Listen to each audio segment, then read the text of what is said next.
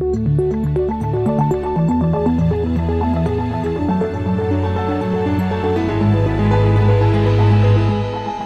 This Morning.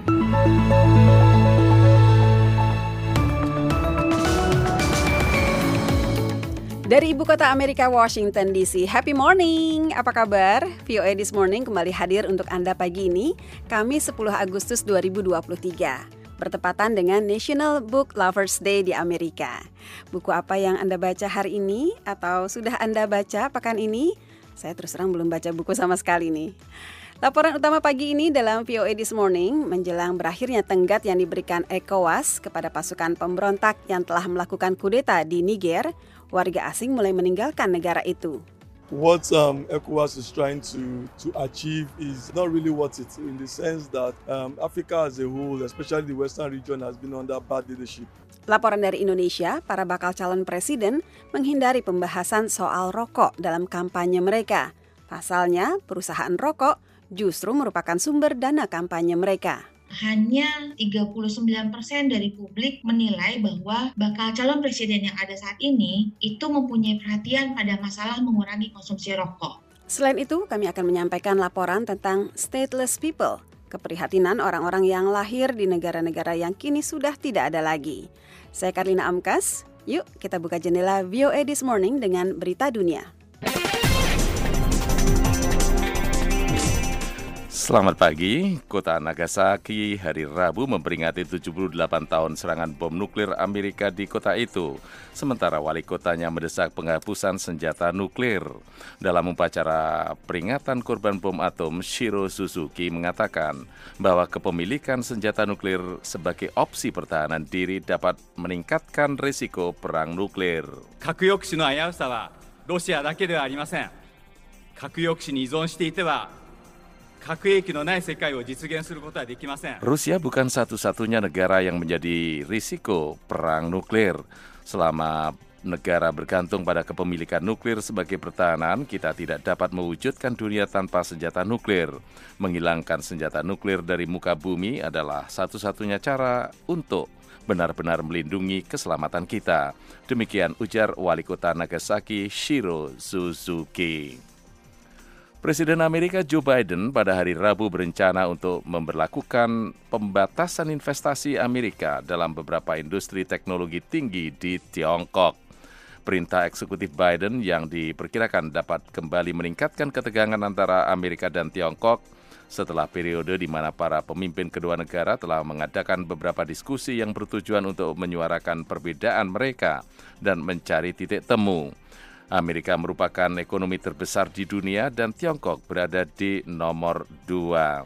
Pembatasan baru itu akan membatasi investasi Amerika di sektor teknologi tinggi di Tiongkok seperti komputasi kuantum, kecerdasan buatan, dan semikonduktor canggih, tetapi tampaknya tidak dalam ekonomi Tiongkok yang lebih luas yang baru-baru ini berjuang untuk maju. Dalam perjalanan ke Tiongkok pada bulan Juli, Menteri Keuangan Janet Yellen mengatakan kepada Perdana Menteri Tiongkok Li Qiang, Amerika Serikat dalam keadaan tertentu perlu melakukan tindakan untuk melindungi keamanan nasionalnya dan kita mungkin tidak setuju dalam hal ini.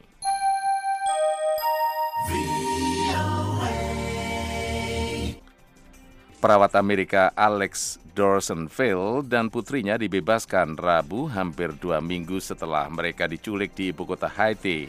Menurut organisasi bantuan El Roy Haiti, kelompok Kristen yang didirikan oleh suami Dorsonville meminta agar dia maupun keluarganya tidak dihubungi. Masih banyak yang harus diproses dan disembuhkan dalam situasi ini, kata kelompok itu dalam sebuah pernyataan para pejabat tidak memberikan rincian apakah pembebasan itu dilakukan dengan uang tebusan.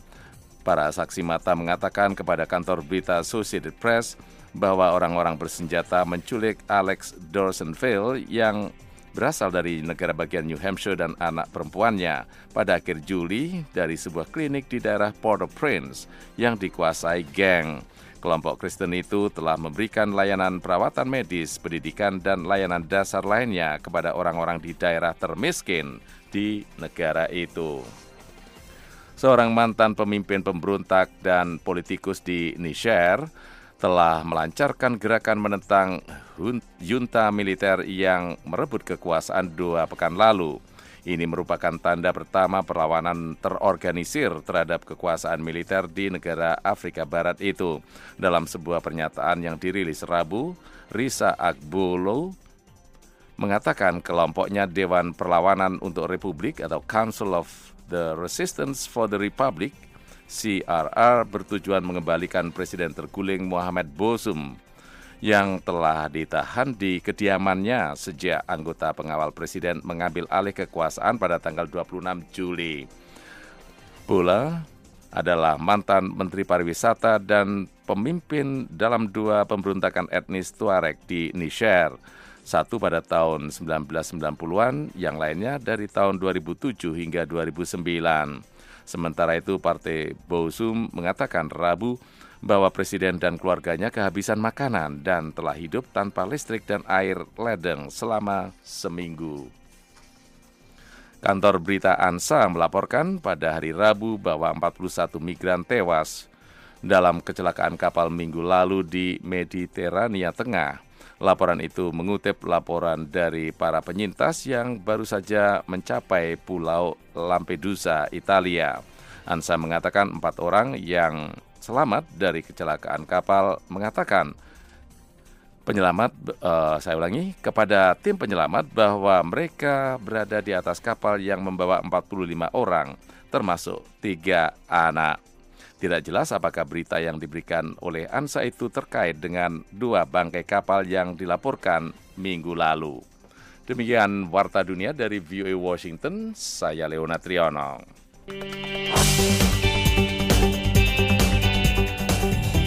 Pendengar selepas berita dunia, kini kita beralih ke laporan wartawan. Menjelang berakhirnya tenggat yang diberikan ECOWAS kepada pasukan pemberontak yang telah melakukan kudeta di Niger, warga asing mulai meninggalkan negara itu. Pendengar puluhan warga antri di Bandara Internasional Diori Hamani Niamey, Niger, Rabu pagi untuk keluar dari negara itu dengan menggunakan penerbangan evakuasi ketiga. Pesawat pertama dan kedua yang membawa para pengungsi telah mendarat di Paris beberapa jam sebelumnya.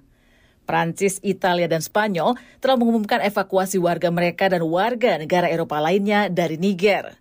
Kementerian Luar Negeri Prancis di Paris merujuk kekerasan baru-baru ini yang menarget kedutaan besar Prancis di Niamey sebagai salah satu alasan evakuasi. Keputusan itu diambil di tengah semakin memburuknya krisis yang dipicu kudeta terhadap Presiden Niger Muhammad Bazoum yang sebenarnya dipilih secara demokratis. Badan yang membawahi negara-negara Afrika Barat dan dikenal sebagai ECOWAS hari Minggu lalu mengumumkan akan memperlakukan sanksi perjalanan dan ekonomi dan bahkan menggunakan pendekatan militer jika para pemimpin kudeta tidak segera memulihkan kedudukan Bazum dalam waktu satu minggu.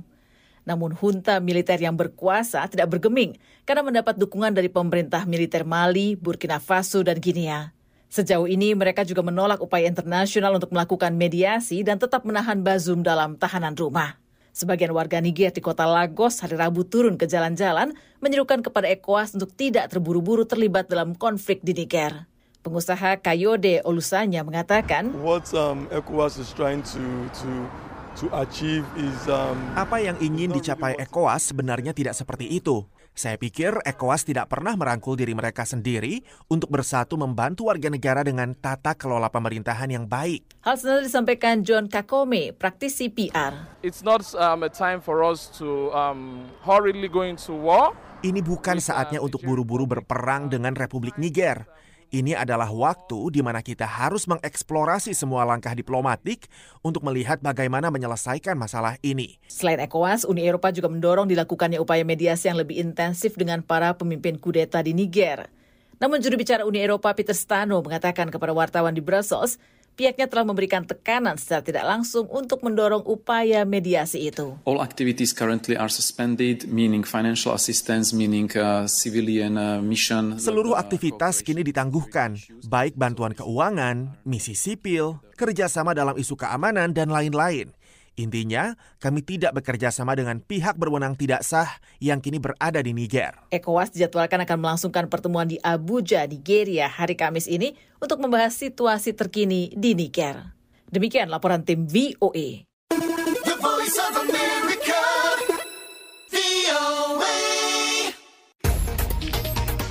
VOA This Morning, kini kita ke laporan kedua pagi ini, peristiwa geopolitik seperti perang atau bubarnya pemerintahan, misalnya runtuhnya Uni Soviet, bisa menyebabkan orang-orang tidak memiliki negara. Di Amerika, lebih dari 200 ribu orang memiliki status stateless atau tidak bernegara. Karina Ambartsumian Klov adalah orang tidak memiliki negara yang tinggal di AS. I was born in a country that doesn't exist anymore. Saya lahir di negara yang sudah tidak ada lagi. Karina adalah satu dari sekitar 218 ribu orang di AS yang tidak memiliki kewarganegaraan dari negara mana pun. Kini Departemen Keamanan Dalam Negeri AS, DHS, mengatakan mereka sedang menyusun prosedur baru untuk memperjelas makna stateless atau tidak bernegara untuk tujuan imigrasi. They've taken a huge step forward and in terms of recognizing people like us in this country. Mereka mengambil langkah maju yang penting dari segi mengakui orang-orang seperti kami di negara ini. Karina lahir di Odessa, Ukraina pada 1988. Karina dan keluarga melarikan diri ke Kanada dan pindah ke AS pada 1996 di mana permohonan suaka mereka ditolak. Tetapi waktu itu Uni Soviet sudah runtuh pada 1991 dan Ukraina menjadi negara yang merdeka. We went to the Ukrainian embassy to get our passports. Kami ke kedutaan Ukraina untuk memperoleh paspor dan dokumen perjalanan untuk pulang. Dan ketika itu, mereka mengatakan, kami tidak mengakui Anda sebagai salah satu warga kami. Margaret Stock adalah seorang pengacara imigrasi. So they're left in limbo but physically inside the United States. Jadi, nasib mereka terkatung-katung. Secara fisik mereka ada di Amerika dan untuk kita ini sebuah hal yang tidak masuk akal kalau tidak ada solusinya. Pengumuman DHS ini menjanjikan akan menguraikan contoh-contoh informasi dan bukti yang bisa dipakai sebagai bukti kewarganegaraan dan petugas imigrasi membantu orang-orang yang tidak bernegara memperoleh dokumentasi, seperti misalnya kartu hijau. Karina berharap panduan DHS ini pada akhirnya akan membantu orang-orang yang terkatung-katung seperti dirinya.